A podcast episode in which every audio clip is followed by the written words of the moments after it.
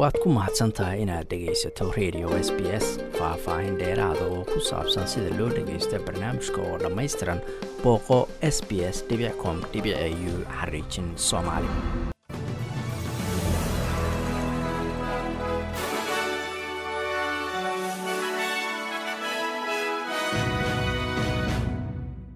Grace time oo hore u noqotay the australian of the year ama australiyaanka sanadka ayaa si adag uga hadashay tallaabada ra'iisul wasaare scott morrison iyo dowladdiisu ka qaadeen sidii loo soo afjari lahaa rabshada lagula koco haweenka iyo carruurta. Khudbo ay ka jeedisay national press club ayay miss time ku eedeysay dowladda hadallo maran iyo qirasho aan waxba ka jirin oo daqiiqadaha u dambeeyey la sameeyey iyo igu sawir si taxadar leh loo soo qorsheeyey ama loo soo agaasimay waxay ku baaqday in maalgelin ku filan lagu bixiyo fulinta waxbarasho looga hortago arrimahan isbeddel sharci oo dalkaoo dhan ka siman yahay iyo dowladda oo muujisa inay si dhab ah wax uga qabanayso arrintan tallaabana ka qaadayso. Grace time ayaa sidoo kala shaacisay in lagu cadaadiyey inaysan wax ra'iisul wasaaraha dhaawac u geysanaya sheegin ka hor xafladdii abaalmarinada australian of the year ee sanadkan You're an influential person. He'll have a fear, they said. A fear? waxaa laygu yidhi ayay tidhi waxaad tahay qof saamayn leh. Wuu cabsanayaa ayay igu dhaheen. Cabsi noocee ah ayaan isweydiiyey cabsi uu ka qabo dadka ugu nugul dalkeenna miyaa? cabsi uu ka qabo mustaqbalka koonka ama adduunkan aan ku noolahay miyaa? Kadibna waxaan maqlay iyadoo la leeyahay doorashaa soo socota taasuuna cabsi ka qabaa. Markaas ayay ii caddaatay. Cabsidu waa mid uu ka qabo mustaqbalkiisa siyaasadeed ee ma ahan miduu cid kale u cabsanayo. Mar horena britney higgins ayaa ku baaqday in la hirgeliyo dhammaan labaatan iyo siddeed talooyin ee lagu soo jeediyey warbixintii ka soo baxday dib u eegid lagu sameeyey habdhaqanka goobta shaqo ee baarlamaanka federaalka. Waxay sidoo kale dhaliishay qorshaha qaran ee hordhaca ah ee lagu soo afjarayo rabshada ka dhanka carruurta iyo haweenka oo ay sheegtay inay ka maqan yihiin yool la gaarayo iyo tallaabooyin cadcad oo la qaado oo ay taas beddelkeeda ka buuxaan ayay tiri tirakoobyo iyo hadallo macmacaan iyo halku-dhegyo aan macno lahayn miss higgins ayaa bress clubka u sheegtay inaan wax badani isbedelin Last year wasn't a march for acknowledgement. It wasn't a march for coverage. It wasn't a march for language. It was a socodkii iyo isu soo baxyadii sannadkii la soo dhaafay ma ahayn kuwo lagu doonayay qirid ama in wax la qiro oo keliya. ma ahayn kuwo lagu doonayay in warbaahintu ay ka hadasho. ma ahayn mid lagu doonayay in luqadda uun lagu bedelo.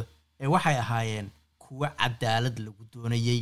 Cadaaladdaasna waxay doonaysaa isbeddel saxa oo lagu sameeyo shuruucdeenna iyo habdhaqanka waddankeenna iyo weliba wada hadal qaran. Taasina waxay ka bilaabanaysaa ayay tiri ra'iisul wasaare scott morrison intii ay socotay doodii baarlamaanka ee maantana oo loo yaqaano question time ayuu ra'iisul wasaare scott morrison difaacay taariikhda dowladdiisa iyo tallaabada uu ka qaaday sidii loo dhammayn lahaa rabshada ka dhanka haweenka iyo carruurta. Wuxuu u sheegay baarlamaanka in isbahaysigu uu u qoondeeyey hal dhibic hal bilyan oo dollar ammaanka haweenka oo lagu daray miisaaniyaddii sanadka la soo dhaafay. We will join with all others in this place in ensuring that we have targets as are set out collectively and waxaan ku biiraynaa dhammaan xildhibaanada kale ee goobtan jooga sidii loo hubin lahaa inaannu leenahay yool aan wada hiigsanayno oo aan isku raacnay mideeda kale tan kale oo muhiimka ah waa inaannu maalgelin u qoontayno sidii awalba ay dowladdu u samaysay markiina la doortay iyo xataa miisaaniyaddii u dambeysay si loo xaqiijiyo in dowladda federaalku ay ka qaadato qaybteeda sidii loo joojin lahaa rabshadaha ka dhanka ah haweenka iyo carruurta waddankeenna ayuu yidhi ra'iisul wasaare scott morrison. Xisbiga leybarka federaalka ayaa sheegay inay taageerayaan hindisa sharciyeedka dowladda ee takoorka diinta laakiin waxay doonayaan in wax laga bedelo marka hore leybarka ayaa shir ay maanta yeesheen uga hadlay hindisa sharciyeedkan lagu doonayo in lagu difaaco kooxaha australiyaanka ah ee diimaha haysta. Hase yeeshee xildhibaanada dhammaan dhinacyada siyaasadda ee kala duwan ayaa walaac ka muujiyey in sharcigan haddii la ansixiyo uu oggolaanayo in iskuullada kooxaha diimuhu ay takooraan carruurta transgenderka ah oo ah ilmaha matalan ahaan wiil ahaan ku dhashay oo gabar iska dhigay ama isu beddelay leybarka ayaa soo bandhigay isbeddel lagu doonayo in qaybtaas meesha looga saaro ama wax laga beddelo iyagoo sharuud uga dhigay si ay u taageeraan hindisahan. Isbahaysiga ayaa waxaa saaran cadaadis ah inay sharcigan ansixiyaan inta baarlamaanku uu fadhiyo ka hor doorashada federaalka ee soo socota wasiirka arrimaha dibadda lithuania ayaa sheegay inuu soo dhoweynayo in australia ay taageertay dowladdiisa oo wajahaysa cunaqabatayn adag oo ay china ku soo rogtay.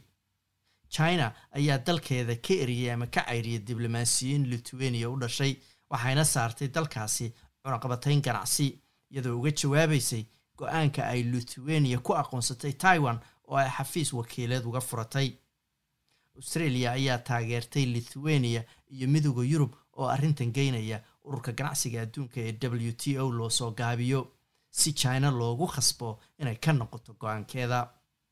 Wasiirka arrimaha dibadda lithuania gabrielius lansberges ayaa sheegay in dalkiisu ku biiray dalal qaasa oo ay australia ka mid tahay oo china ay si xun ula dhaqantay. Therefore, I, I very much welcome uh, Australia joining the consultations uh, that were started by EU. sidaas daraaddeed waxaan aad u soo dhoweynayaa in australia ay ku biirtay wadahadalka ay midooda yurub bilowday ee ka socda w t o. waa ururka ganacsiga adduunkee waxayna ila tahay inaan u baahannahay inaan xasuusino dalalka china oo kalea iyo dal kasta oo kale oo doonaya inay ganacsiga u isticmaalaan sidii hub oo kale in dalalka isku aragtida ahi ay ka hortagaan maquuninta noocaas oo kalea aysanna aqbalin cadaadis dhaqaale iyo mid siyaasadeed ayuu yidhi wasiirku. Premierka gobolka new south wales ayaa sheegay in dadka booqanaya cisbitaalada ay ku jiraan dadka xanuunka covid nneteen qaba dib u eegid lagu sameynayo. Kadib markii cabasho ballaarina ay ka timid qoysas markaasi u muruganaya dadkoodii oo cisbitaalladaas ku jira ama ku geeriyooday. Xanibaadaha hadda jira ayaa macnaheedu yihiin in bukaanka qaba coronaviruska ay keligood iyagoo ah isbitaal ku dhintaan iyadoo loo diiday qoysaskoodii ama xubnaha ka mida qoysaskoodu inay ku booqdaan cisbitaalka premierka gobolka dominic peretey ayaa raaligelin siiyey qoysas badan oo aan loo ogolaan inay booqdaan waqtina la qaataan dadka qaraabada la ahaa oo dhimanaya. Urur shaqaaleedka gobolka new south wales ee matala kalkaaliyayaasha caafimaadka iyo umulisooyinka ayaa sheegay in xubnahoodu ay u codeeyeen inay markaasi shaqo joojin sameeyaan sababtoo ah waxay doonayaan inay fariin adag u diraan dowladda gobolka. In ka badan toban kun oo ka tirsan xubnaha urur shaqaaleedkaasi ayaa haa ugu codeeyey inay shaqo joojin sameeyaan talaadada soo socota oo bishan februaayo ay tahay shan iyo toban. Xogeeyaha guud ee urur shaqaaleedkan bred holmes ayaa sheegay inay ugu baaqayaan dowladda inay go'aamiso in ay samayso tiro isu dhiganta oo bukaanka iyo shaqaalaha markaasi daaweynaya ah. Sidoo kalena ay mushaarka u kordhiso shaqaalahaasi. Ardada ayaa dib ugu laabanaya iskuullada gobolka tasmania iyadoo gobolka laga diiwaan geliyey shan boqol iyo toddobaatan iyo afar kays oo cusub oo covid nneteena halka laba qofna ay xanuunka u geeriyoodeen. Gobolkan jasiiradda ah ayaa ah maamulkii ugu dambeeyey ee dalka australia oo dib u fura iskuullada ama fasalada intii ay bilowdeen xanuunka omicron oo waddanka ku faafay. Sida laga soo xigtay daraadsad ay samaysay urur shaqaaleedka waxbarashada qeybtiisa tasmania ayaa waxaa lagu ogaaday in shantii macalinba mid ka mid a uu dareemayo inuu ammaan shaqadiisii ugu noqon karo. Xogayaha urur shaqaaleedkan david genfold ayaa s b s news u sheegay in inkastoo shaqaalihii ama macalimiintii howlgabay hadda dib loogu yeeray si markaasi loo daboolo shaqaale yaraanta jirta balse jawaab fiican ama qaar badan aysan ka jawaabin codsigaasi. West australiana waxa ay sheegtay inay siinayso labo qalabka laysaga baaro covid nneteen-ka ee la yidhaahdo rabid antigen test dhammaan dadka imanaya gobolkaasi ee ka imanaya dalka dibaddiisa iyo gobollada kala duwan ee dalka. Marka ay soo galaan west australia si ay u isticmaalaan labadaas qalab mid maalinta koowaad markay gobolka soo galaan midna ay isticmaalaan ee maalinta toddobaad ee ay karantiilan yihiin. Tan ayaa imanaysa iyadoo gobolka uu diiwaan geliyey afar iyo toban kays oo cusub oo covid nneteen oo kow iyo toban ka mid a ay u badan tahay inay xanuunka qabeen iyagoo bulshada ku dhex jira. Wasiiradda caafimaadka gobolkaasi amber jade sanderson ayaa sheegtay in go'aanka dadka safarada ku imanaya lagu siinayo rates ama qalabkaas laysaga baaro covid nneteen-ka ee rabid antigen test la yidhaahdo inay ka caawinayso in cadaadiska laga qaado xarumaha ama shaybaarada qaada baaritaanada covid nneteen-ka nooca p c r-ka la yidhaahdo sidoo kalena dadkan lagu siin doono lacag la'aan. Haddana waa xubintii sboortiga oo uu noo soo diyaariyey wariyahayaga magaalada muqdisho aan ku bilaabo xubinta isboortiga xulka kubadda cagta ee senegal ayaa markii ugu horeysay ku guulaystay koobka kubadda cagta ee qaramada qaaradda afrika kaasi oo dalka cameron lagu soo gebagabeeyey maalmo ka hor. Koobka kubadda cagta qaramada qaaradda afrika ayaa sanadkan markii ugu horeysay waxaa ka qayb galay ilaa iyo afar iyo labaatan xul iyadoona xulal waaweyn oo tartanka loo saadaalinayay horaanay isaga hareen ciyaartii kama dambaysta finalka ayay dhex martay labada xul ee masar iyo sidoo kale senegal. Waxaanay soo bandhigeen ciyaar si weyn markaasi la isugu daalay oo dadaal xoogan labada dhinac ay sameeyeen hase yeeshee wakhtigii loogu talagalay ku idlaatay eberi eber barbardhac intii ciyaartu ay socotay daqiiqadii afraad ayay heleen goolkulaad ay hogaanka ciyaarta ku qaban kareen xulka kubadda cagta ee senegal. Laakiin goolayaha xulka masar ayaa ka badbaadiyey kubaddii oo ka diiday. Xidiga lafdhabarka u ah xulka senegal ee sadio mane soddon daqiiqo oo dheeriya oo ciyaarta la raaciyey ayay labada dhan sidoo kale isku mari waayeen eber eber waxaana markaa kadib loo baahday in goolkulaadyo lagu kala saaro iyadoona ugu dambayntii afar iyo laba goolkulaadyo ah. Xulka kubadda cagta ee dalka senegal ay ku xaqiijiyeen markoodii ugu horeysay taariikhdoodii in ay ku hantaan koobka kubadda cagta qaramada qaaradda afrika.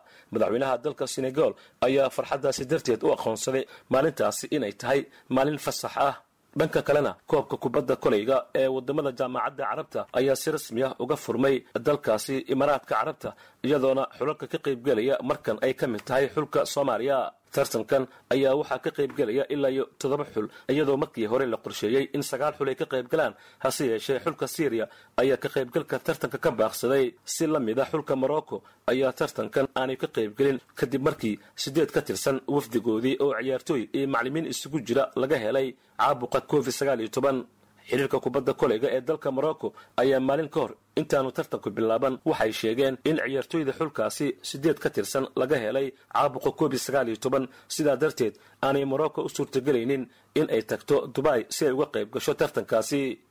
Toddobada xul ee kale ayaana loo qeybiyey laba guruub iyadoo gruubka koowaad ay ku wada jiraan xulalka lubnaan soomaaliya iyo sidoo kale algeria.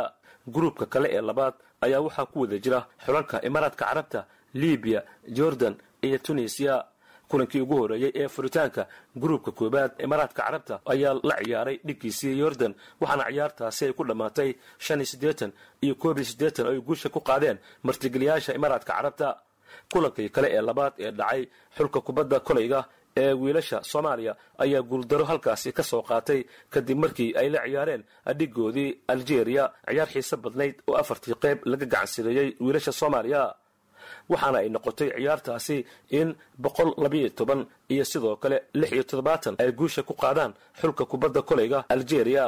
Ciyaartooyda xulka kubadda kolayga ee soomaaliya ayaana la arkayey intii ciyaartu socotay in dhanka farsamo ahaan ay aad u wanaagsanaayeen hase yeeshee dhanka raacista iyo jirka ay aad uga liiteen dhigoodii kulanka labaad ee xiga xulka kubadda kolayga ee wiilasha soomaaliya. Waxay caawa la ballansan yihiin dhigoodii lubnaan. Haddii ay adkaadaanna waxay u soo gudbi karaan wareegga xiga ee koobkani. Waa markii ugu horeysay xul ka socda soomaaliya uu ka qaybgala tartankan tan iyo laba kun iyo shantii markaasoo dalka sacuudi arabiya tartankan dhanka wiilasha kubadda koleyga jaamacadda carabta lagu qabtay. Waxaana xusid mudan in inta badan ciyaartooyda matalaysa xulka soomaaliya laga kala keenay dalalkaasi maraykanka iyo kanada ugu dambayntiina u k iyo ireland ayaa isaga haray marka loo eego tartanka martigelinta koobka kubadda cagta dunida laba kun iyo soddonka marka la gaaro. Dowladda u k ayaa ku dhawaaqday in ay joojiyeen oo ay isaga baxeen tartankii ay ugu jireen martigelinta koobka kubadda cagta dunida laba kun iyo soddonka kaasi oo qorshahoodu ahaa in ay si wadajira u qabtaan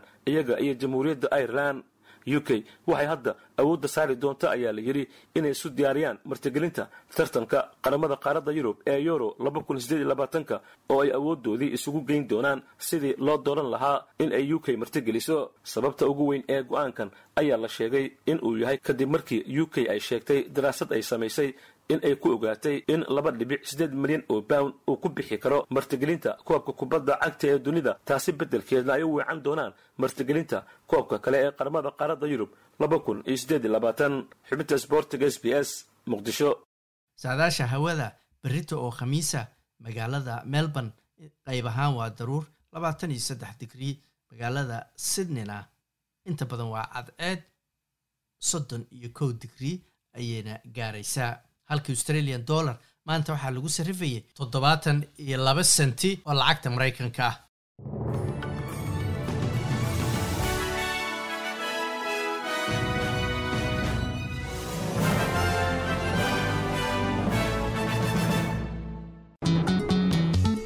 Waad ku mahadsan tahay inaad dhegaysato raadiyaha s b s. Toos u dhegaysa barnaamijka habeenada arbacada iyo jimcada tobanka fiidnimo ama kaga soo cesho website-ka iyaga iyo s b s radio app booqo s b s com au xariijin soomaali